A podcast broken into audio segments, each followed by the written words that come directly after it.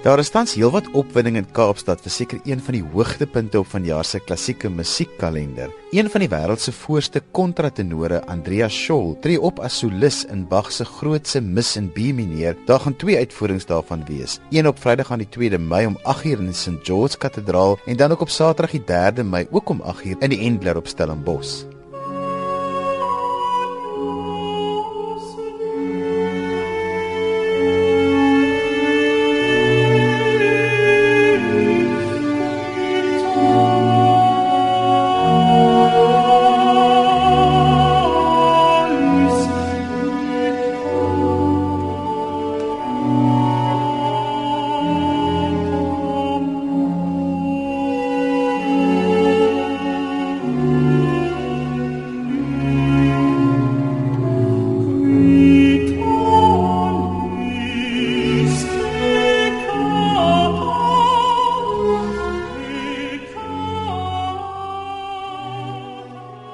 Andreas, die luisteraars het sopas gehoor hoe jou stem klink. Verduidelik vir die luisteraars wat 'n kontratenor is. A countertenor is a man singing in the alto range. A countertenor should be able to sing anything that's written by Handel or Bach or any baroque composer when they write contralto or alto, that's the voice we sing. How we achieve it, it's another question. I think every man in a way has the potential to use his head voice if comedians imitate women and say, hello, I'm a lady, or something like that, they use their head voice. And physiologically, I think this is the same thing that countertenors do. The question is just, how flexible is this head register? Is it enough to imitate a woman or is it enough to sing a Bach aria?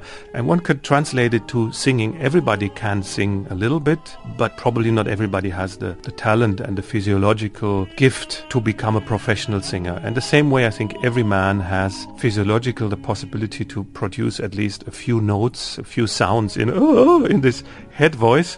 And then the question is how much you develop it. Andreas, jy tree op in van die mees bekende konsertsale die wêreld, waarvan die Metropolitan in New York maar een is. Hierdie week is jy in Kaapstad. Hoe het hierdie samewerking tussen jou en die nuutgestigte sentrum vir vroeë musiek van Stellenbosch Universiteit gebeur? It's about 4 or 5 years now that I teach twice a year masterclass at Mainz University at the Gutenberg University. It's a postgraduate program that's called Baroque Vocal and it's uh, partly the students from the Mainz University and partly external students that come from all over Europe. This program contains masterclasses with me, with Ton Koopman, with plenty of other musicians. And whenever we do orchestra projects, the leader of the orchestra is Professor Felix Koch, who is a friend, and he approached me pretty recently. I mean, normally I plan concerts about two years ahead, and then last year he said, Would you probably have still time off to come with us to South Africa to do this project? And uh, the time was free and I said, of course, I've never been to Africa, never been to South Africa. So I thought it might be a great opportunity. Die Neumeyer Consort gaan jou begelei op periode instrumente. Tel vir ons meer hieroor. Well, the Neumeyer Consort is the orchestra founded by Professor Felix Koch and his friends and, and I've done a few concerts with them already. And for me, after so many years of doing Baroque music, one of the most important things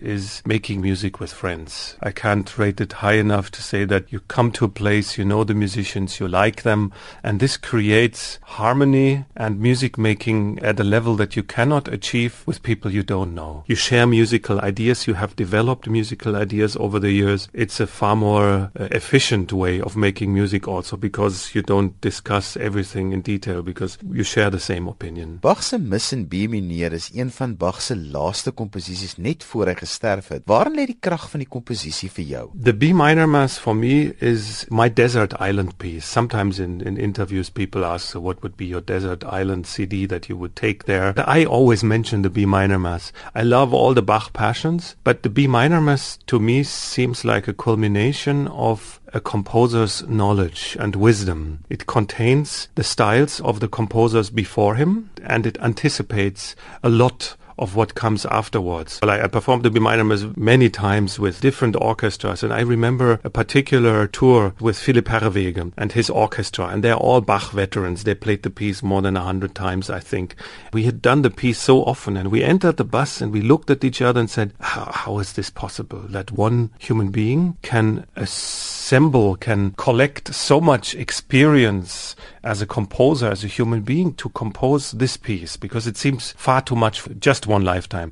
And if you know Bach's life story, that he had many children, lost many children. He was busy in administration, fighting the city of Leipzig for more money. So he was not a hermit composer who, at the age of 20, retreated to a cave, dedicating his life to music, but he was in the middle of life and he came up with this fantastic music.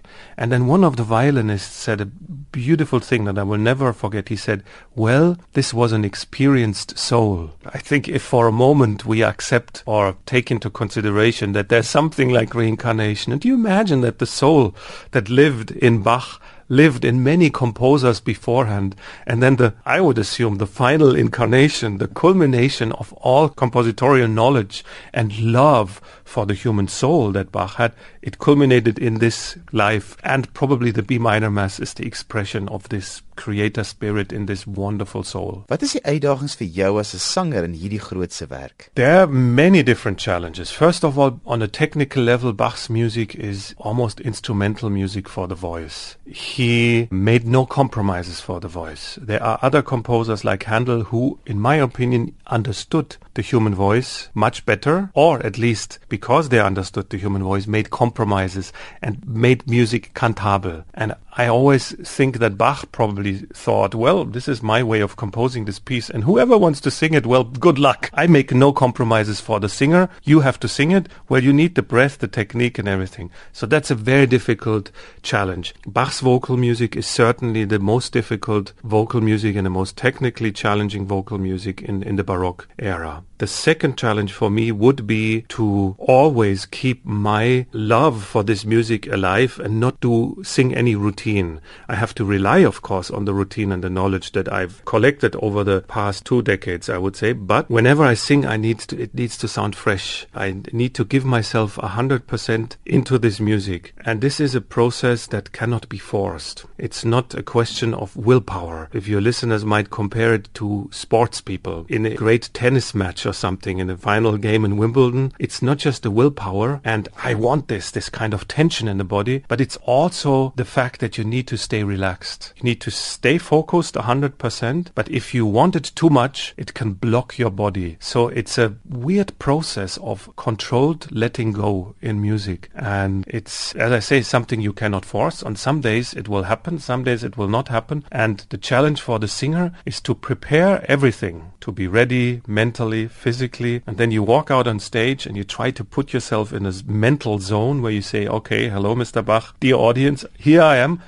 I'm ready. Let's see what happens. That you don't try to reproduce another concert or you say, okay, my plan is I start in bar 5, I do crescendo and I do this pianissimo in bar 27. This is not how singing should happen. It should be spontaneous and that's a very big challenge. Nou jou vertolking van die bekende Agnus Dei wat ons ook heel aan die begin van hierdie insesse gespeel het, het is al meer as 1.2 miljoen keer op YouTube gekyk. Waarin dink jy lê die relevantie vir moderne gehore in vroeë barokmusiek? The Agnus Dei is in a way the culmination of the B minor mass. Most Bach pieces have a central aria that contains the theological essence, extract of it. So if we look at the St. John's Passion, where everything goes to the point where Jesus dies in order to save us. So the most important moment is Es ist vollbracht, and it's the alto who sings it. And in the Matthew Passion, for me, the central aria is like in the B minor mass, the Erbarme dich, Miserere nobis.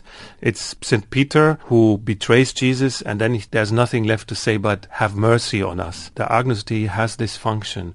It starts with the church service, Proprium Ordinarium. We have the Kyrie, Gloria, Credo, we have all these things. We praise you, we adore you, you're wonderful.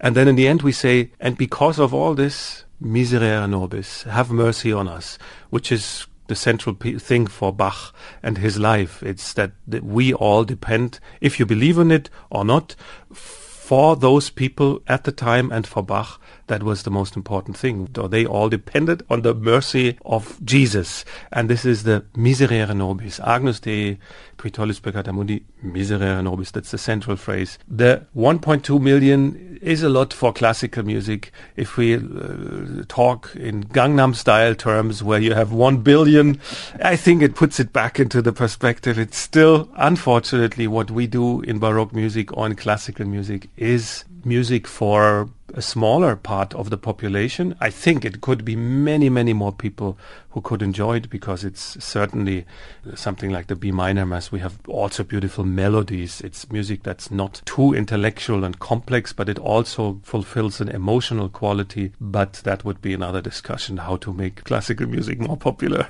Kan jy vir ons meer vertel oor die invloed van die bekende kontratenor James Bowman in die ontwikkeling van jou eie sang? When I started singing, I started singing in a boys choir at the age of 7 and the voice broke when I was 13 or 14. I continued singing soprano until 15, 16. And then the vocal coach, a, lady who came once a week for individual singing lessons with the boys, she said, ah, but you're 15, 16 and you're still singing that high. This is called countertenor. So I think at the age of 15 or 16, for the first time in my life, I heard the term countertenor. And in Germany at the time, there was only one popular countertenor, Jochen Kowalski. I didn't know at the time about Kowalski. So I talked to an uncle who's a classic music fan and he said, oh, countertenor countertenor, I have recording. So I listened to uh, Nikolaus Harnoncourt's recordings with James Bowman and Paul Esswood. And as many listeners will know, sometimes you just sit in a concert or you hear a recording in the radio and you hear a voice and you say, whoa, stop. What's this voice? And uh, that was the effect that James Bowman had on me. It's this beautiful voice, musical intelligence, and I, am so lucky that when I was a, a, student, I had my diploma concert in Basel.